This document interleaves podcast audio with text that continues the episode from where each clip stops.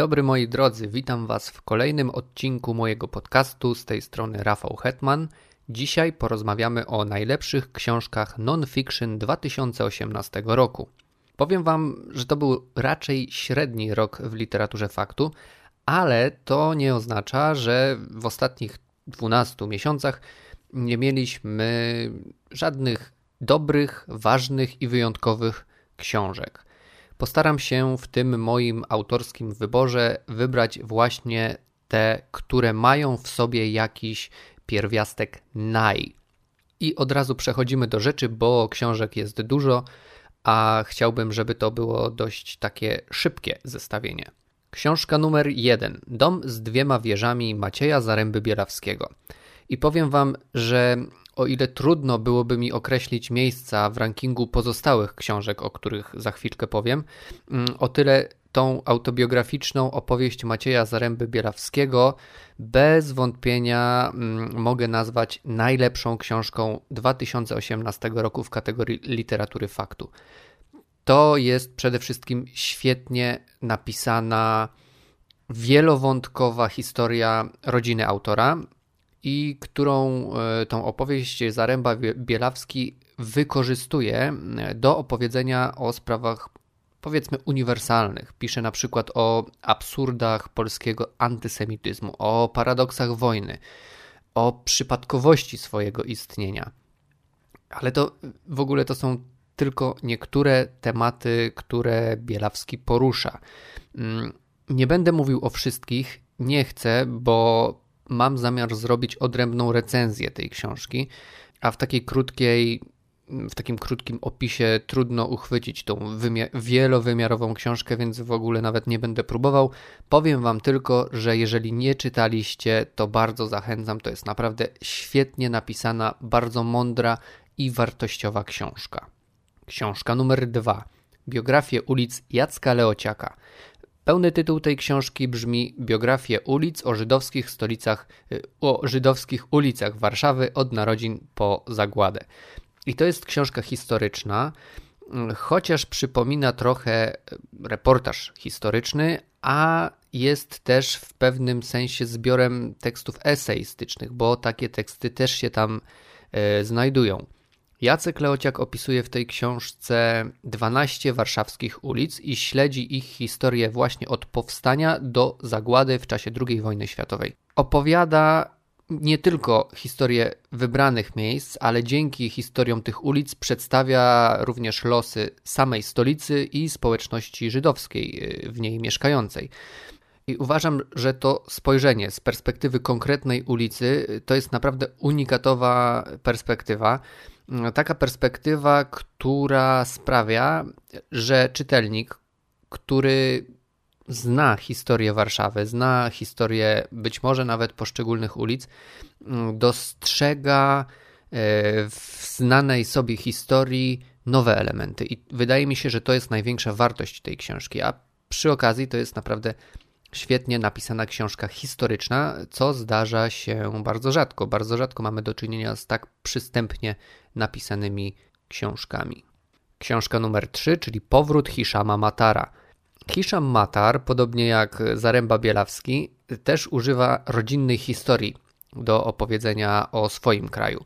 Matar jest synem libijskiego działacza politycznego i opisuje w swojej książce Mm, losy swojej rodziny, losy naznaczone przez dyktaturę Muammara Kaddafiego.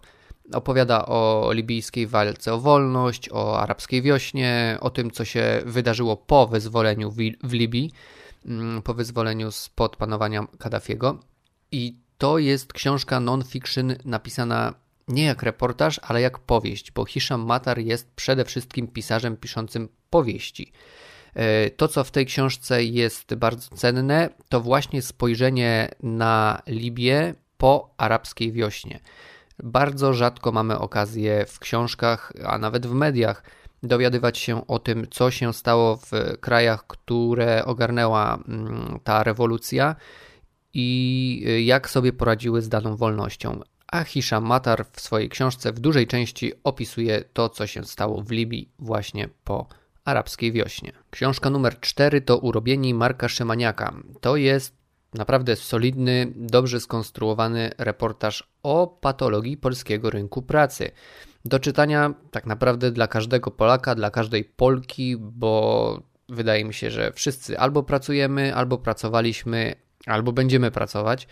Mm, a Szymaniak pokazuje bardzo umiejętnie ułomności systemu pracy, a przy tym, a przy tym nie traci z oczu człowieka mm, jako jednostki, czyli właściwie tego najważniejszego elementu rynkowej układanki. Jeżeli czytaliście na przykład Nie hańbi Olgi Gitkiewicz, e, która też pisała o rynku pracy, a jeszcze nie czytaliście Urobionych Szymaniaka, to sięgnijcie po tę książkę, porównajcie je sobie, one są zupełnie inaczej napisane, ale dzięki temu dostajecie dwie różne perspektywy, które się, wydaje mi się, uzupełniają. Książka numer 5, czyli Misula Johna Krakauera. To jest reportaż o ofiarach gwałtów z amerykańskiego miasteczka Misula. I wydaje mi się, że to jest jedna z najważniejszych książek, jakie pojawiły się w 2018 roku w Polsce. Ważna tym bardziej, że problem, który porusza, nie dotyczy tylko USA, ale także Europy oraz Polski. Dlaczego dotyczy? No bo na przykład w 2016 roku ponad 1 czwarta obywateli Unii Europejskiej sądziła, że stosunek płciowy bez zgody jednej ze stron był uzasadniony, jeśli ofiara była pijana, skąpo ubrana lub wcześniej flirtowała. I to dowodzi, że problemy, które Krakauer opisuje w USA, e, dotyczą także naszego regionu, naszego kraju. Warto tę książkę czytać. Krakauer mm, e, pisze, e, Krakauer skupia się w tej książce na drodze ofiar, które decydują się dochodzić sprawiedliwości w sądach, ale opisuje też historię tych, które zrezygnowały z walki o prawdę i to też jest bardzo ciekawe. Mm, wyszła z tego mocna, przejmująca i szokująca książka Polecam, chociaż to nie będzie łatwa lektura. Kolejna książka to Wyspa Węży Małgorzaty Scheinert. I znowu mamy rodzinną historię, dzięki której tym razem odkrywamy zapomniane wątki w historii Polski z czasów II wojny światowej. Małgorzata Scheinert, idąc śladami swoich krewnych, odkrywa, że w czasie wojny generał Sikorski więził na pewnej wyspie polskich oficerów, których uważał za swoich przeciwników politycznych. Mm, Wyspa Węży to jest taka opowieść, która pokazuje, że nawet w obliczu największej narodowej katastrofy, jaką bez wątpienia była II wojna światowa, polityczne rozgrywki można postawić ponad interes cierpiącej ojczyzny.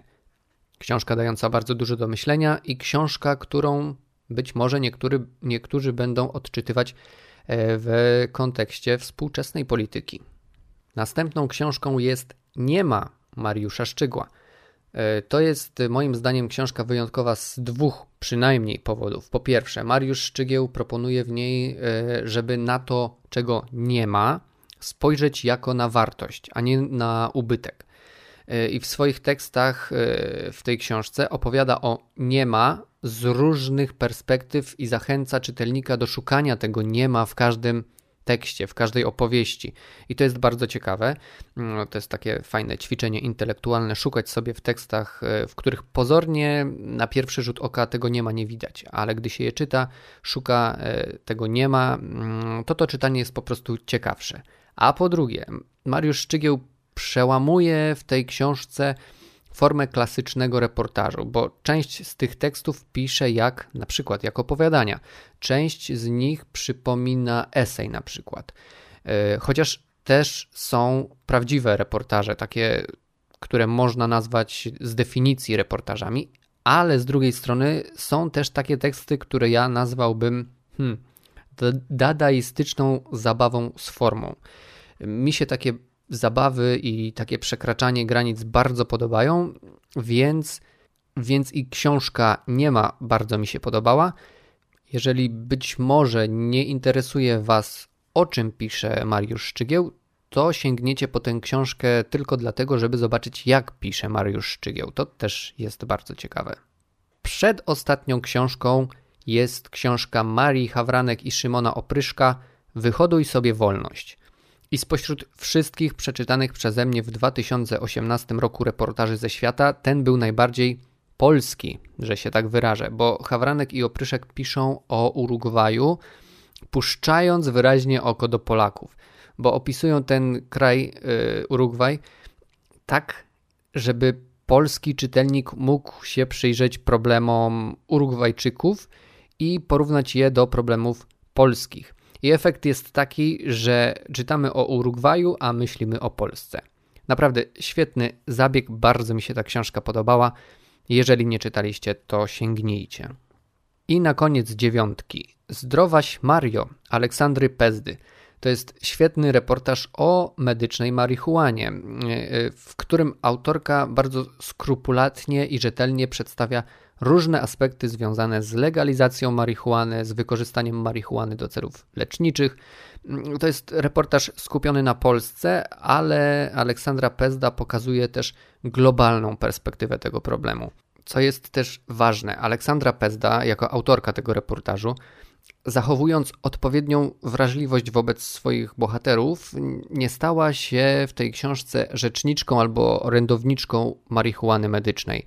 Pozostała reporterką, i to jest bardzo ważne, reporterką dbającą o obiektywizm, weryfikującą fakty, krytyczną wobec powszechnych op opinii, i to trzeba bardzo docenić, bo w takiej książce łatwo było popaść y, w taką narrację, powiedzmy, właśnie agitacyjną. E, taką, w której autorka starałaby się przekonać do medycznej marihuany. Nie, tam nie ma żadnego przekonywania. Tam jest naprawdę takie, na ile to możliwe, bardzo obiektywne podejście reporterskie.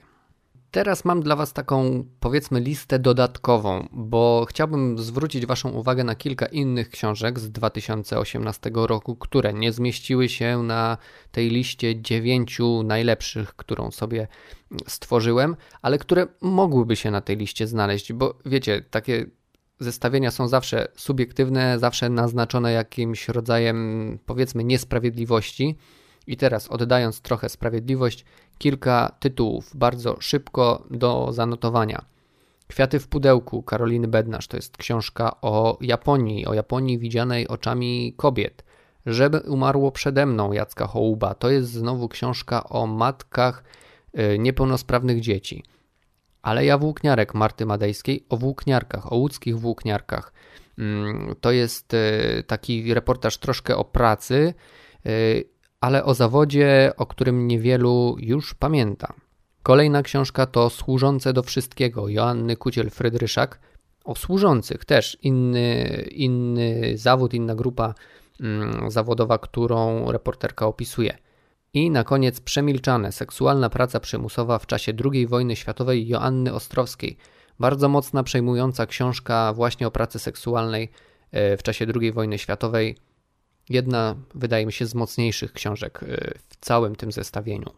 A teraz zupełnie na koniec y, chciałbym przejść z Wami przez kilka zestawień najlepszych książek 2018 roku, które do tej pory pojawiły się w mediach. Jako pierwsze zestawienie weźmy na warsztat książki, magazyn do czytania, a tam książką roku Lincoln w Bardo George'a Saundersa w przekładzie Michała Kłobukowskiego – to jest książka o Lincolnie, o dwóch Lincolnach, o Abrahamie Lincolnie i jego synu, który przedwcześnie umarł. Lincoln w Bardo to jest pierwsza powieść Saundersa, ale powieść napisana w nietypowy sposób, bo rozpisana jak dramat, czyli z podziałem na role. Czytam tę książkę, jestem w trakcie mm, i to jest, powiem Wam, bardzo ciekawa koncepcja, bardzo ciekawa forma. Wiem, że opinie o tej książce, zwłaszcza na temat formy, są skrajne. Niektórzy uważają ją za arcydzieło, niektórzy po prostu nie rozumieją tego fenomenu. Mnie się podoba, ale więcej o tej książce powiem Wam, jak już przeczytam. Na drugim miejscu listy najlepszych książek 2018 roku jest Historia przemocy Eduardo Luisa w przekładzie Joanny Polachowskiej – i to jest e, książka wydawnictwa Pauza. A na trzecim Ucho Igielne Wiesława Myśliwskiego. Tyle w książkach, a teraz przejdźmy do radia TOK FM, gdzie wybrano również najlepszą dziesiątkę 2018 roku. Tą dziesiątkę wybrali członkowie radiowego klubu książki Poczytalni.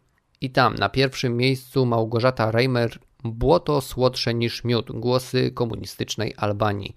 To jest reportaż. Reportaż, który już, już przeczytałem, którego recenzję możecie znaleźć na blogu. Bardzo dobry, bardzo mocny, ale w mojej dziewiątce najlepszych się nie zmieścił.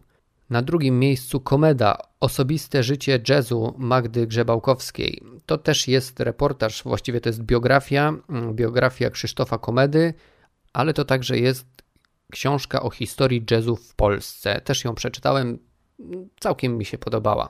Na trzecim miejscu Mikołaj Grymberg, Księga Wyjścia. To jest książka o marcu 68. Czas na politykę. Polityka w tym roku zrobiła dwa zestawienia najlepszych książek polskich 2018 roku i książek zagranicznych. Wśród książek polskich pierwsze miejsce Marek Bieńczyk Kontener. To jest zbiór esejów Marka Bieńczyka. Na drugim miejscu powieść Krótka wymiana ognia Zyty Rudzkiej. Na trzecim Dorota Masłowska Inni ludzie.